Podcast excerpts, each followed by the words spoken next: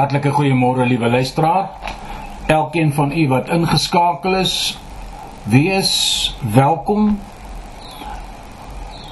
Want u het moeite gedoen om te luister na die woord van die Here. Ons gaan vanmôre aan met ons paar boodskappe oor daar is goue reëls. En voordat ons verder gaan, kom ons bid saam.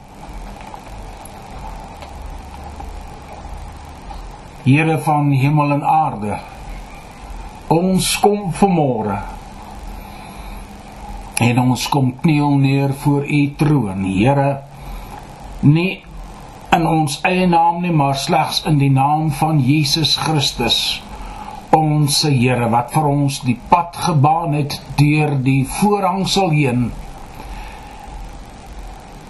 Vader, toe hy die voorhangsel geskeur het, het hy vir ons die pad oopgemaak om voor u troon te mag neerkniel in al u heiligheid. En Vader, ons wil vanmôre soos al die serafs en die ouderlinge neerkniel en sê heilig Heilig, heilig is die Here God almagtig. Hy wat is en wat was en wat sal kom. Dankie Here dat ons vanmôre die voorreg het om U naam te mag aanroep en U naam te mag groot maak en ook U naam te mag eer. Want Here sonder dit sou ons nie kon bestaan nie. Want Here U naam sê die woord van God vir ons is 'n sterk toring. En die regverdige hardloop daarin en word beskud. En ook sê u woord vir ons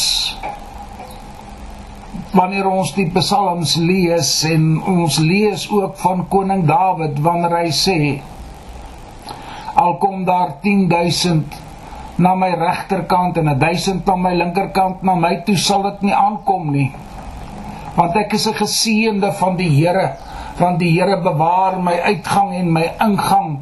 En die Here is my bewaarder. Die Here is die skade wie aan my regterhand en in hierdie oggenduur kom ons na u toe Here terwyl ons 'n paar oomblikke in gebed met u spandeer. En Here ons wil net vir u sê baie dankie. Dankie vir al u seëninge oor ons. Here, u het vir ons gedra tot op hierdie oomblik toe. U het vir ons gedra tot op vanoggend toe. Here, u seëninge het oor ons pos gevat en Here, u het u seëninge oor ons uitgestort sodat ons vanmôre kan sê ons is geseënd in die wonderlike naam van Jesus Christus ons Here. Baie dankie Here Jesus dat U U lewe vir ons afgelê het. Dankie dat ons weet daar is krag in die naam van Jesus. Daar is verlossing in die naam van Jesus en daar is genesing in die bloed van Jesus. En daarom wil ons vir U sê baie dankie.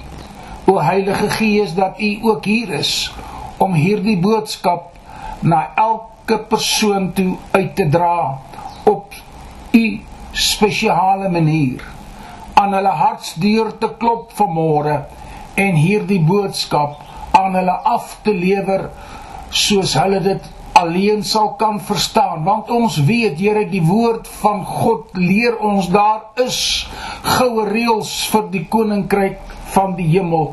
En ons moet dit navolg want anderster sal ons dit nie maak om in die ewigheid in te gaan en voor die koning van die konings te kan verskyn en sê Here, ons het gedoen wat u woord vir ons gesê het om te doen nie.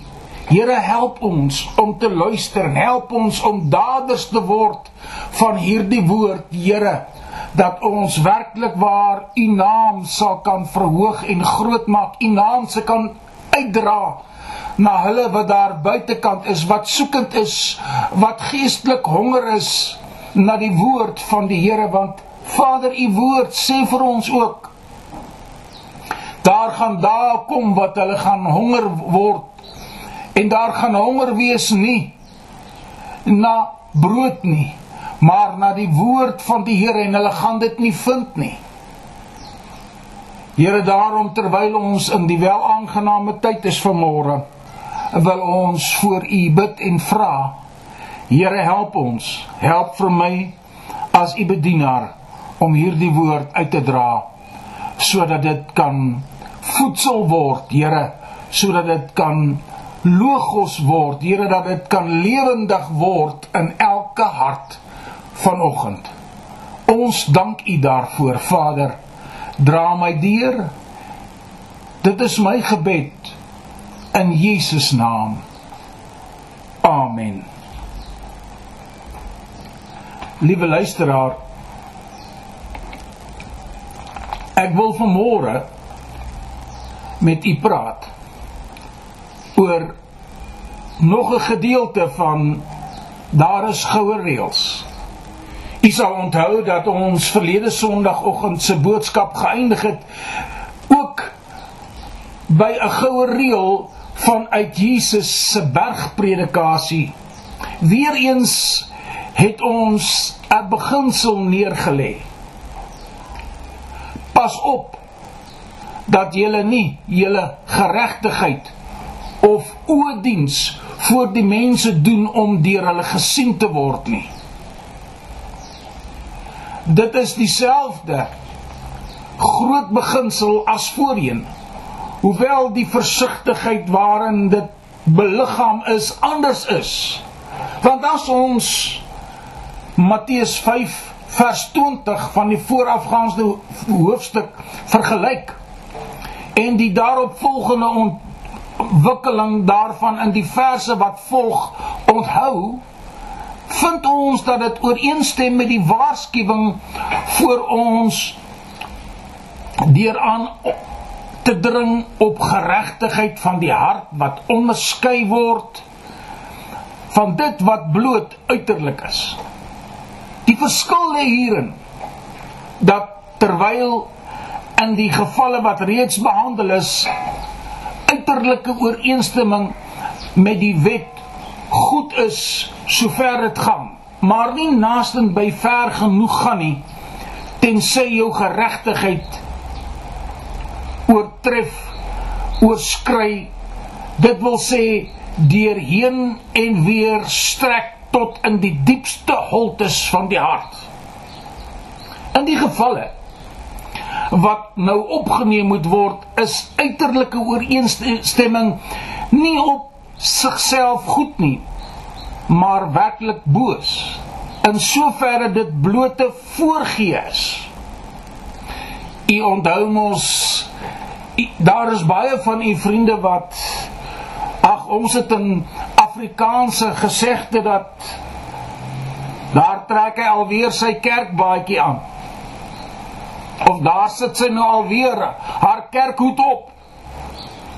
Gevolglik moet die versigtigheid nou baie sterker wees. Moenie soos hygelaars wees nie. Jy weet hulle wat hygelaars is, daar is nie 'n plek vir hulle in die koninkryk van die hemel en die baie kere sien ons dat die Here in baie gevalle sê laat julle lig so skyn voor die mense dat julle dat hulle julle goeie werke kan sien en julle Vader wat in die hemele is verheerlik.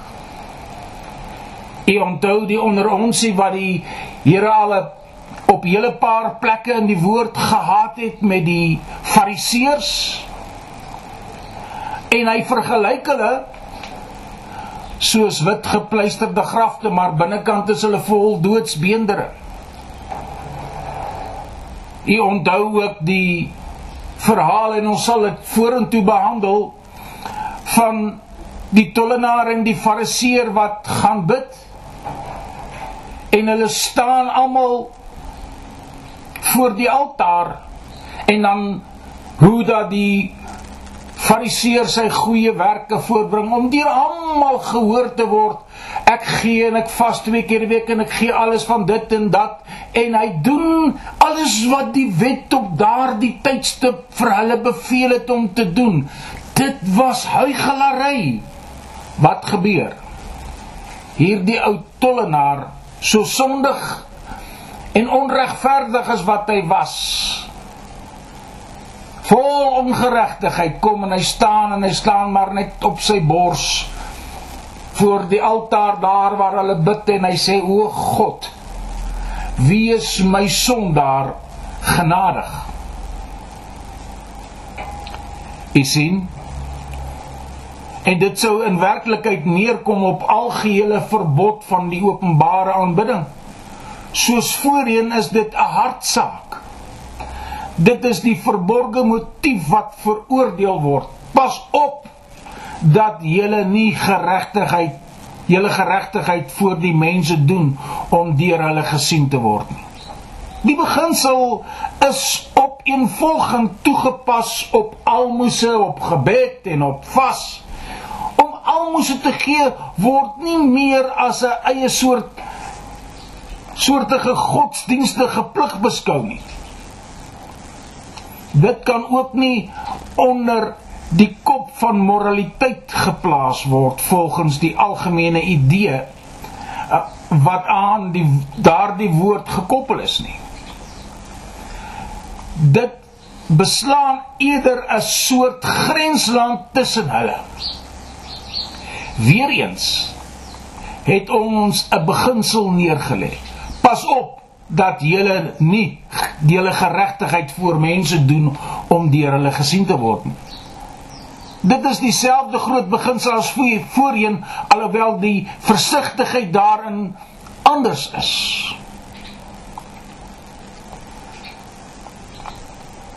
U sien in Matteus 5 vers 16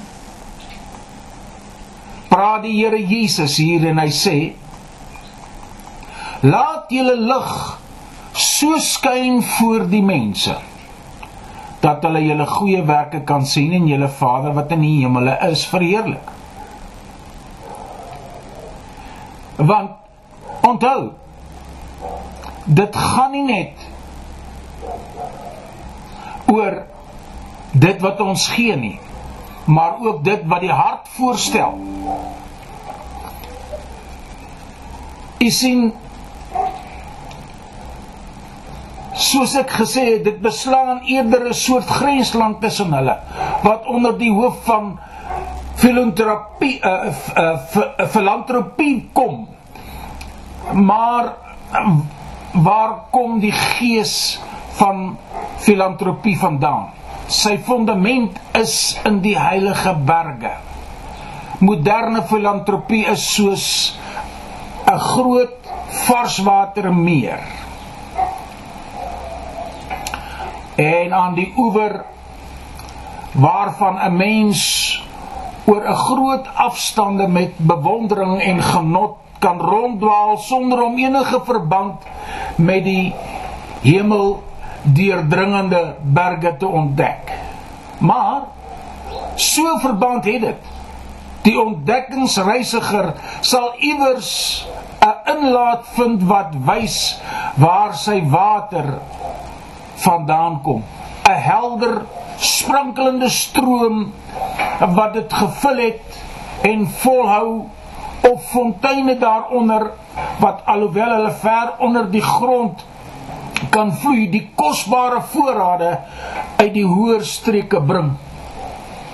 Miskien heel buite sig as hierdie verbindings met die boonste fonteine afgesny sou word sou die pragtige meer vinnig opdroog en verdwyn. Wat probeer ek sê? As jou geregtigheid van diep onder jou hart se are gevloei gevoed word met die gees van die waarheid en waaragtigheid sal jou meer of jou fontein nie opdroog nie. Die almoses is dus hier op sy regte plek. Die oorsprong daarvan is in die hoër streke van geregtigheid van die koninkryk van die hemel.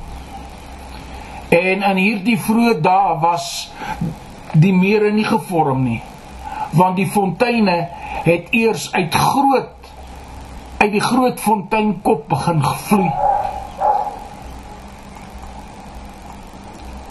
Die algemene oog, oogmerk wat ons Here voor oë het, lei boonop daartoe dat die onderwerp wat hy behandel nie in verhouding tot die wat dit ontvang nie, maar met die wat gee.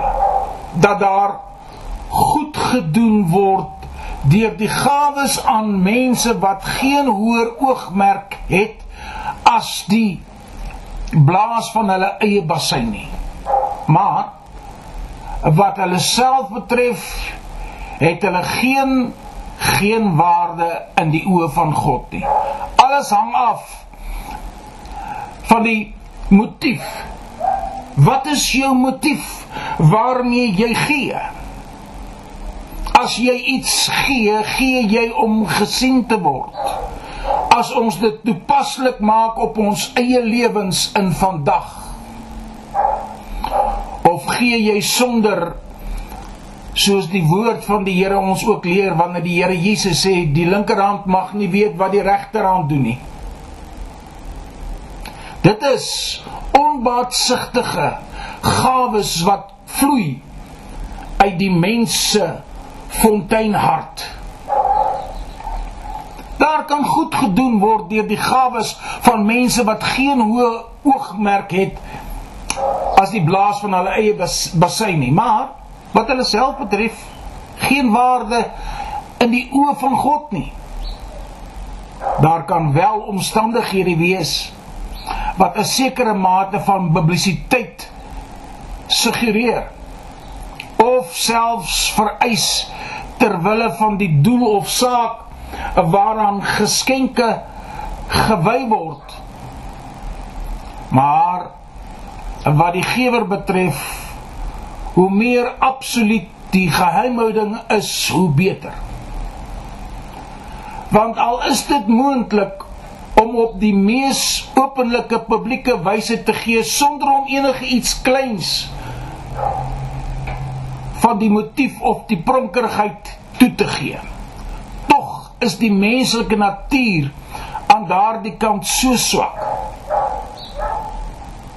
dat ons Here Jesus sy versigtigheid in die sterkste terme stel en ons raad gee nie net om die aandag van ander te vermy nie maar om nie eers te dink aan wat ons gedoen het nie.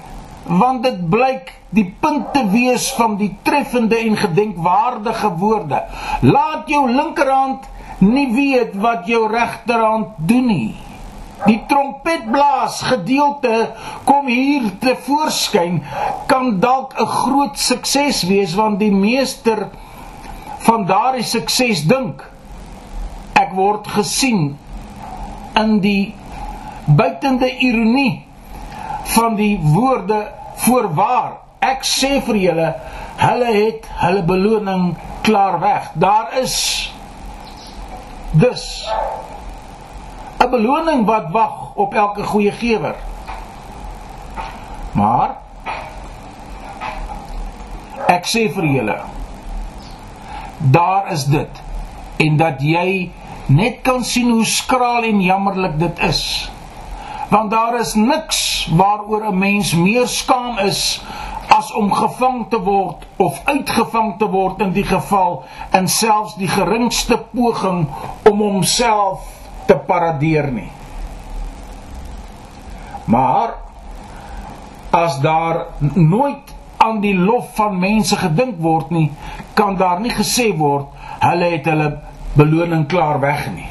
Hulle beloning is om te kom en al het dit nog nie verskyn nie dit sal beslis ons Vader waardig wees wat in die verborgene sien Onder die hoof van gebed word twee waarskuwings gegee. Die een kan in enkele woorde van die hand gewys word. Nie alleen omdat dit presies ooreenstem met die voorafgaande geval nie, maar omdat dit by ons skaars enige versoeking is tot dit dit waarteen dit gerig is. Die gevaar is nou al andersom.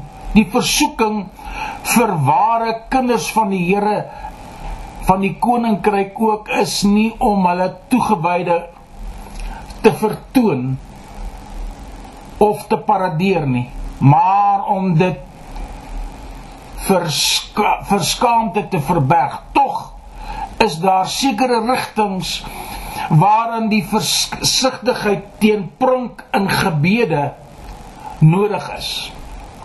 Soos byvoorbeeld deur diegene wat in 'n openbare of sosiale gebed aangetasting aangetaste toon aanneem of op enige ander manier probeer om indruk van erns te gee bo wat werklik is. Die gevoel. U weet selfs, liewe luisteraar, die oomblik as sekere persone in die gemeente gevra word om te bid, dan kry hulle skoon 'n ander toon in hulle stem. Ag, en dit klink tog so heilig. Wanneer hulle so pragtig praat. Maar eintlik is dit op dieselfde terme hier. Hulle soek aansien by die mense oog. Hoor nou weer hoe broer so en so of ouderling so en so of prediker so en so of pastoor so en so weer vanmôre gebid en daar is geen werklike aansien wat hulle eintlik kry nie. Want jy word uitgevang. Van die heilige toon kan ons sê dat dit sy beloning het in byna die universele minagting wat dit uitlok. Wat onder die hoof van filantropie kom. Maar waar kom die gees van filantropie vandaan? Sy fondament is weer soos daardie varswatermeer. Ek sien ons moet baie baie versigtig wees.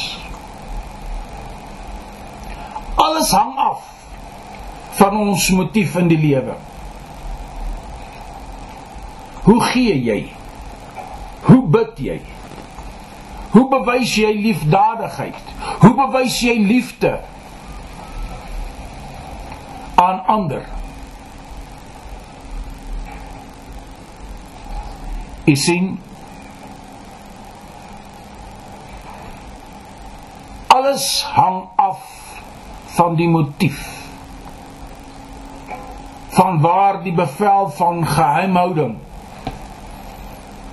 Daar kan wel omstandighede wees, ja. Maar u en ek moet mooi besef dat Jesus Christus lewer hierdie uitspraak. Daar is ander versigtigheid is gerig nie teen voorgee nie, maar teen bygeloof. Dit sal egter gesien word dat die twee tot dieselfde kategorie behoort en daarom die mees toepaslike saam hanteer word. Wat is die sonde van die formalis? Dit is dat sy hart nie in sy aanbidding is nie. wat is die dwaasheid van 'n ydelle herhaler? Dit is dieselfde dat sy hart nie in sy woorde is nie. Want daar is geen aanmoediging, ontmoediging van herhaling nie. as dit deur opregte erns aangespoor word nie. Ons Here het telkens weer selfs indringende gebed aangemoedig en hy self het in die tuin dieselfde petisie 3 keer in noue opeenvolging aangebied. Dit is dus nie die herhaling nie, maar vergeefse herhaling. Leeg van die hart, leeg van begeerte, leeg van hoop wat hier bestraf word. Nie veel gebed nie, maar veel gepraat van die dwaasheid om te veronderstel dat dit die blote sê van gebede enige nut is afgesien van die emosies van die hart waarin ware gebed in sy wese bestaan. Om ons te lei in 'n saak wat so belangrik is waarsku die Here Jesus nie net teen die gebed wat dit behoort te wees nie maar wys wat dit behoort te wees So terloops, as ware, gee hy aan ons hierdie parel van groot prys, hierdie suiwerste kristal van toewyding om ons vir ewig 'n besitting van sy volk te wees, om nooit verloor sy glans deur die millenniums van daaglikse gebruik. Die skoonheid en die kosbaarheid daarvan word nogal meer en meer manifesteer vir die opeenvolgende geslag.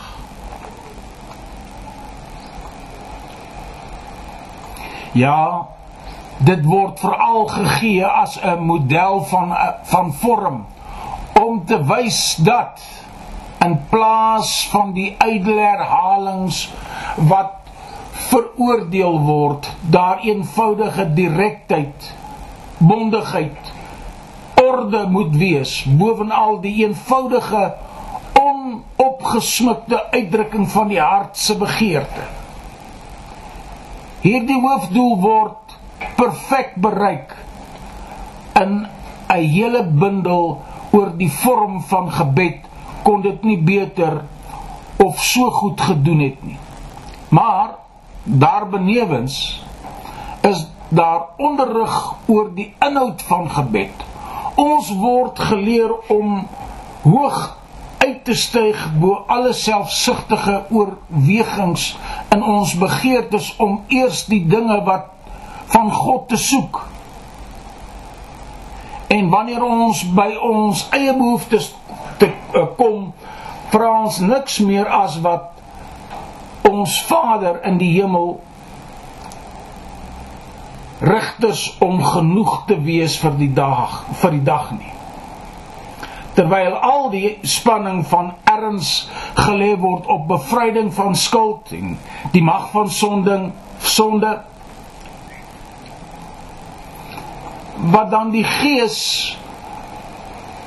van gebed betref merk op die kinderlike eer, eerbied wat in die aanroeping geïmpliseer word die broederlike gees wat deur die heel eerste woord daarvan geroep word die gees van vergifnis wat ons geleer het om te koester deur die term waarin ons dit vra vir onsself dit alles en meer word by gevoeg tot die les ter wille waarvan die modelgebed gedoen is.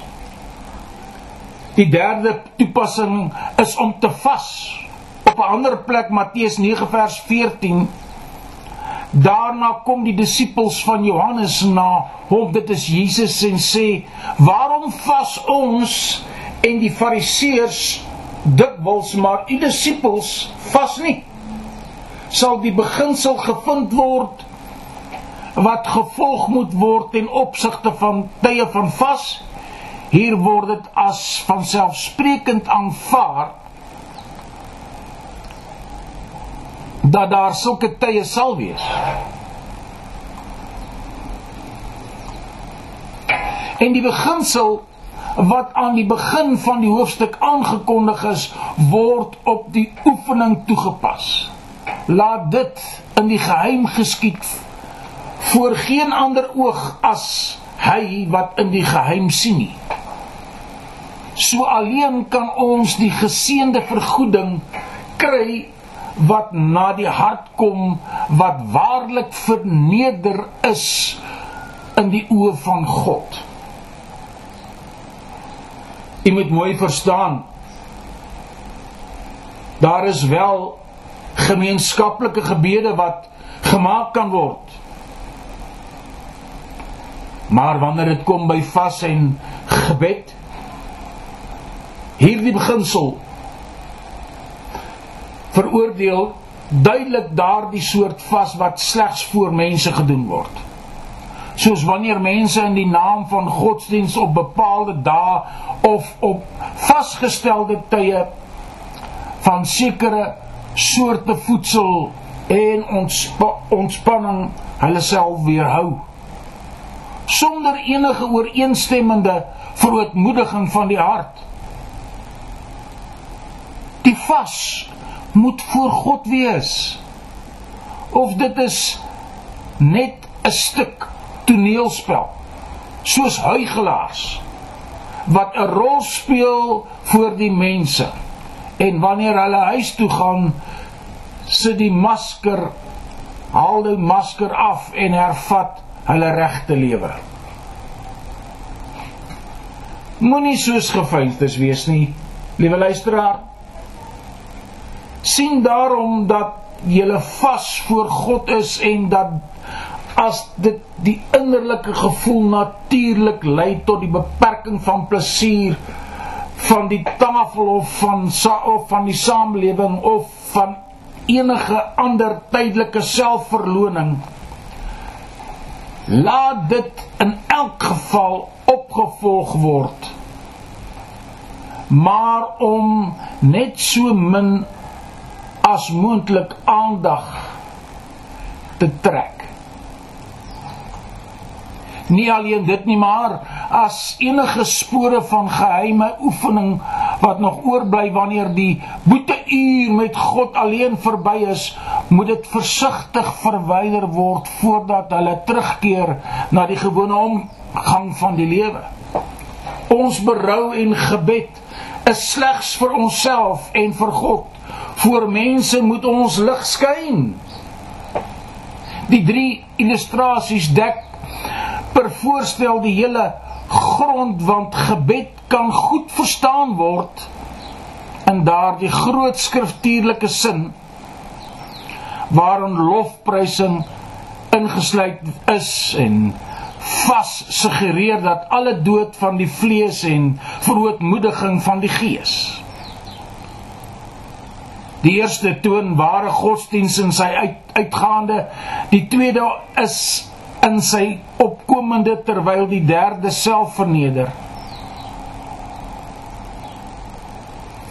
Al drie is wederzijds behulpsaam want hoe hoër ons godswaarts sweef in lof en in gebed, hoe laer sal ons buig in eerbiedige nederigheid. En hoe verder sal ons harte uitgaan in die wêreldwye liefdadigheid. Alles hang af van die waarheid en die innerlike dele van die geheime lewe van die siel met God. Alles hang daarvan af. Hoe indrukwekkend word dit deur die hele gedeelte gesê. Let op. Die byna ritmiese herhaling Moenie soos hygelaars wees nie. 3 keer word dit herhaal. Waarvoor sê is uh, waarvoor ek sê vir hulle vir julle, hulle het hulle beloning klaar weg. Het die einste woorde 3 keer herhaal. Laat jou almoses in die verborgene wees. Bid tot jou Vader wat in die verborgene is. Dat jy nie aan die mense verskyn om te vas nie, maar aan jou Vader wat in die verborgene is. en nog een keer, drie keer herhaal, jou Vader wat in die geheim sien, sal hy sal jou beloon. Geen ydelle herhalings. Hierdie hulle druk die groot les huis toe met 'n drievoudige krag. Plig met betrekking tot die wêreld en die dinge daarvan van hierdie punt af is die plan van die diskurs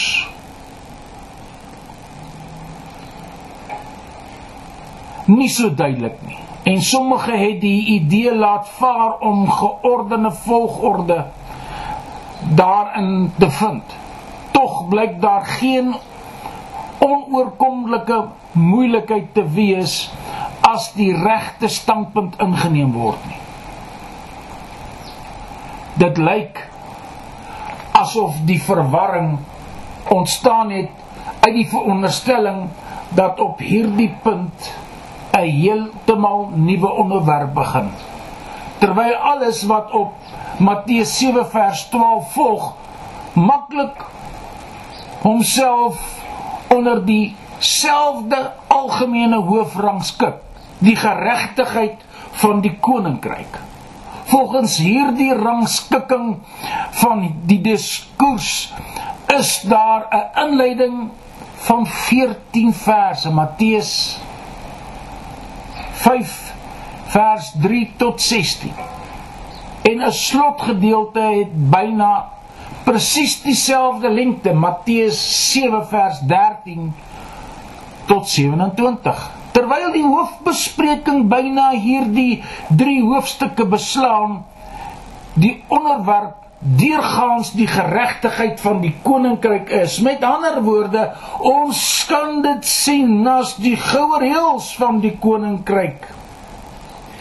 Eerstens as moraliteit. Matteus 5 vers 17 tot 48. Tweedens as godsdiens Matteus 6 vers 1 tot 18. En laastens as spiritualiteit. Die hoofstuk 6 vers 19 en dan hoofstuk 7 vers 12 wat begin en eindig met 'n algemene verwysing na die wet en die profete Matteus 5 vers 17, Matteus 7 vers 12. Die eerste van hierdie verdelings het te maak gehad met die geregtigheid soos tussen mens en mens, die tweede met die geregtigheid voor God alleen, terwyl die derde op die oorweging waarvan ons nou ingaan handel oor die geregtigheid soos tussen die geregtigheid van die kinders van God en die wêreld in die middel daarvan dit opgestel is. En net soos ons in alles wat ons alreeds bespreek het, gewys het dat ons Here nie gekom het om te vernietig nie, maar om te red. Om die etiese kode en die reëls vir die goddelike diens wat in die wet en die profete is te vervul. Hoor baie mooi wat ek sê vanmôre. So sal dit ook hierin duidelik gemaak word dat hy het nie gekom om te vernietig nie, maar om die beginsels te vervul wat betrokke is by die politieke kode waardeur Israel van van die nasies van die wêreld geskei is om die Here se eienaardige volk te wees. Dit is waar dat onder die hoof van die ede die plig van eerbied kom wat skaars skynbaar onder hierdie hoof val. Maar dit sal onthou word dat hierdie punt by wyse van baie natuurlike suggestie inkom in die hantering van valsheid en die regulering van gesprek wat klaarblyklik tot geregtigheid as tussen mens en mens behoort te wees. Die onderwerp wat nou wat nou voorlê is dis die verhoudings van die kinders van die koninkryk met die wêreld. En ons sal dit behandel in volgende week se boodskap want u sien u en ek het 'n identiteit in Christus as kind van God. U en ek het in onsself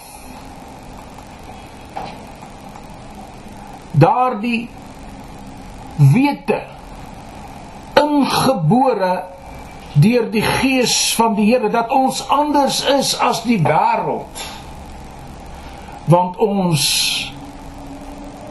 lewe nie soos hulle nie. Ons is wel van die wêreld maar ons lewe nie soos die wêreld nie.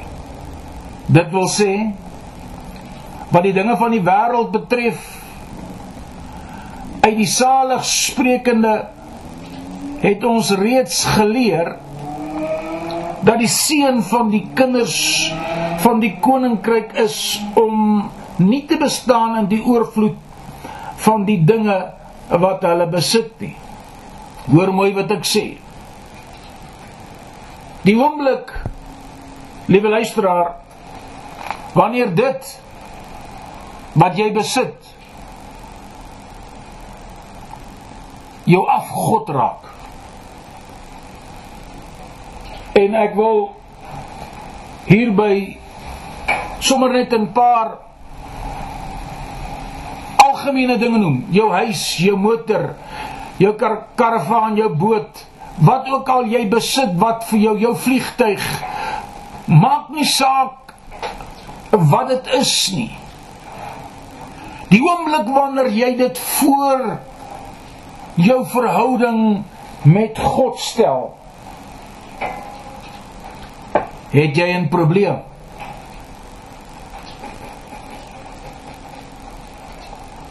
Want dan is jy al klaar op die dwaalweg. Dan is jy al klaar daar wat en waarteen God waarsku deur sy seun Jesus Christus wat hierdie bergpredikasie aan die mense rondom en ook aan ons u en my ek en u verkondig deur te sê moenie oor die dinge bekommer wees bekommerd wees wat werklik waar nie saak maak nie. Ek sê dit baie en ek het dit al 'n hele paar keer gesê. Liewe luisteraar, ons vat niks saam uit hierdie wêreld nie.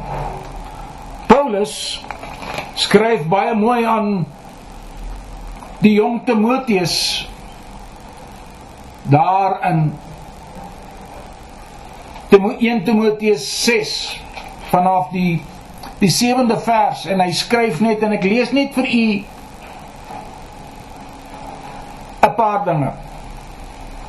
2 3 versies. Want ons het niks in die wêreld ingebring nie. Dit is duidelik dat ons ook niks daaruit kan wegdra nie. Maar as ons voedsel en klere het, moet ons daarmee vergenoeg wees. Maar die wat wil die wat ryk wil word, val in versoeking en strikke en baie dwaase en skadelike begeerlikhede van die mense wat laat wegsink in die verderf en ondergang. Nou baie mense quoteer hierdie vers verskil en hulle quoteer uh, dit verkeerd. Want die geldgierigheid, hoor nou mooi, hy sê nie die geld nie. Die geldgierigheid is 'n wortel van alle ewels omdat dit die wat dit begeer hulle het afgedwaal van die geloof en hulle self met baie smarte deurboor. Liewe luisteraar, is jy geldgierig?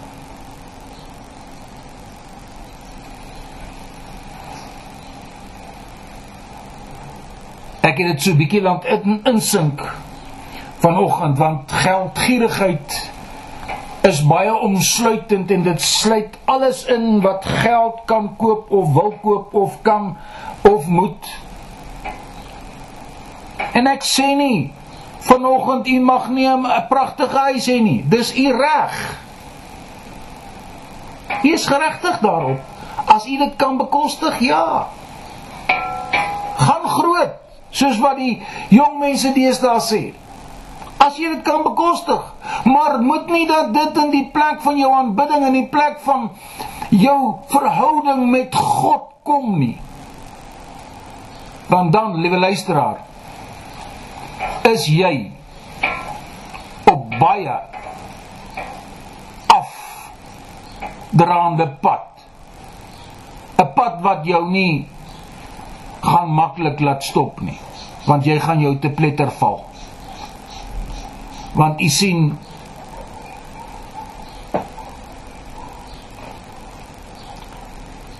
want daar is mos die gesegde dat daar gesê word dat die kinders van die koninkryk nie sonder die goeie dinge van hierdie wêreld kan klaarkom nie.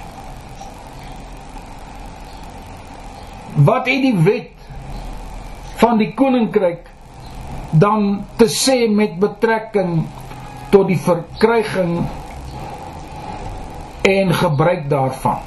Die onderwerp is groot en is moeilik, maar met verbasende helderheid en krag, omvattendheid en eenvoudige praktiese bruikbaarheid word dit in 'n enkele paragraaf uiteengesit.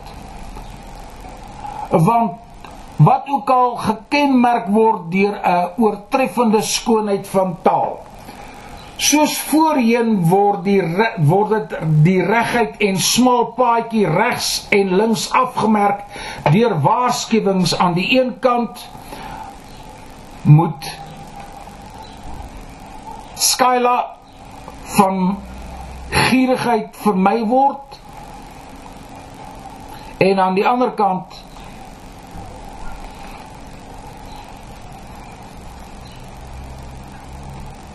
gevaarlike Skyla is 'n gevaarlike maalkolk in 'n nou kanaal van die see.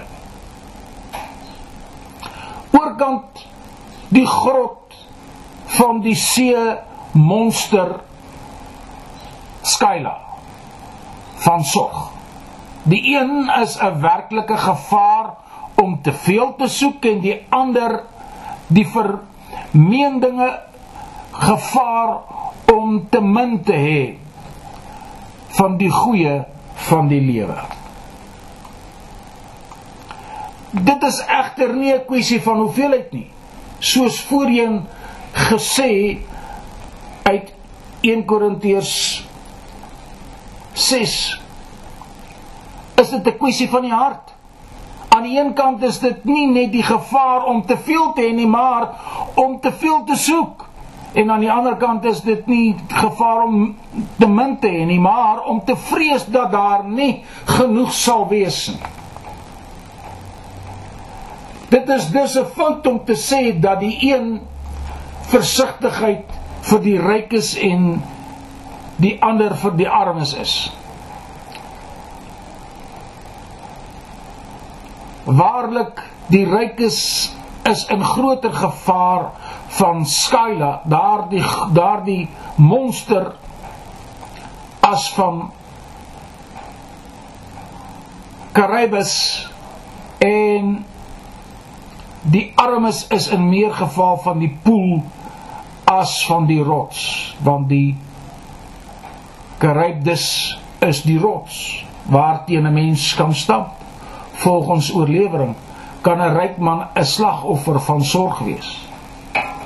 En dit is dikwels 'n slagoffer van sorg terwyl 'n arm man gereedelike gereedelik sy hart heeltemal te veel instel op 'n jaarlikse of weeklikse verhoging van sy winkeltjie. Dit lyk dus beter om geen onderskeid van klasse te maak nie. Maar om na elke versigtigheid te kyk soos dit deur almal benodig word. Liewe luisteraar, ek wil vandag afsluit en ons gaan volgende week aan met hierdie gedeelte. As die Here ons lei. En ek wil vir u vra. Gaan dink mooi daaroor hierdie week. Dink. Jy weet daar is mense wat 'n koopsiekte het. Hulle het al die kaarte en wat ook al en en en ek sê nie jy mag nie koop nie. Hoor mooi wat hierdie prediker vanoggend vir u sê. Koop wat jy nodig het. Koop wat jy kan gebruik. My ou vader het altyd gesê as jy 'n ding nie in in 6 maande 6 keer gebruik nie, het jy hom nie nodig nie. Hoor mooi as jy 'n sekere item nie 6 keer in 6 maande gebruik nie, het jy hom nie nodig nie. En dadelik sê hy vir my, "Oeg. Uh Prediker, ek het 'n karavan, maar ek kan hom nie 6 keer in 6 maande. Haai, kan jy? Jy kan 'n naweek ergens heen gaan. Jy kan net met jou gesin so 'n bietjie gaan uitspan. Sommige daar naby jou, jy het nie nodig om waar ook al heen te ry nie. Ek as persoon, ek en my vrou is lief vir die see, maar ons kry nie die geleentheid nie. Daarom is dit vir ons beskore om so af en toe 'n wegbreek naweek te hou en dan hardloop ons gou-gou en dan gaan kamp ons sommer so naweek hier so 'n 100 km van ons af. Is 'n pragtige stil karavaanplek, karavaanstaanplekkie waar ons uitkampeer en so 'n bietjie net wegkom. Ek sê nie jy moet maak wat ek maak nie, maar daarom is die karavaantjie wat ek bekom dit nie oorbodig nie. Maar die hele punt hiervan is baie kere koop mens dinge wat jy nie gebruik nie. Wat jy nie elke dag gebruik nie, wat jy nie elke maand gebruik nie, wat jy nie elke 3 maande gebruik nie. Dit word weggepak binne in 'n kas of op 'n rak gelos of waar ook al.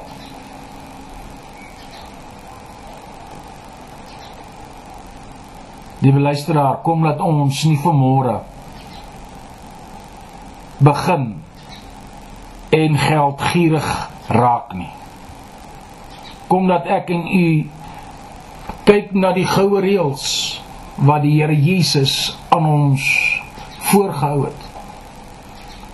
Kyk laat ons bid in die verborgde. Kom dat ons vas in die verborgene. Want ek en u is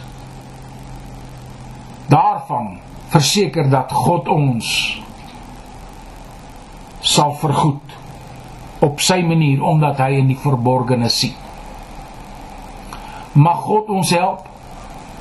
Mag God u help dat u regtig waar nederig sal bly van hart voor almal en alles en dat u werklik waar volgens God se woord sal optree en nie 'n huigelaar raak nie. Kom ons bid saam. Vader, dankie vir hierdie boodskap, dankie dat ons met mekaar kon gesels en dat ons werklik waar hierdie boodskap kon deurtrap van dit wat u gesê het, Here Jesus. Alles wat u bekend gemaak het in die bergpredikasie probeer ons op 'n op 'n baie praktiese manier na die mense toe deurgee en wil ons aan die mense hierdie woord voorhou om nie hygelaas te wees nie, om nie o verblinders te raak nie, maar om doodgewone mense te wees wat God dien in gees en in waarheid want u woord sê vir ons die wat u aanbid moet u aanbid in gees en in waarheid.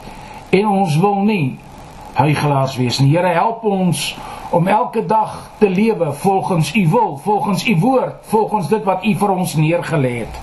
Dat ons altyd u naam in alles sal verheerlik. Ons dank u daarvoor Vader. Help ons dan nou so. Dis ons gebed in Jesus naam. Amen. Liewe luisteraar, u kan my kry op die WhatsApp kanaal by +27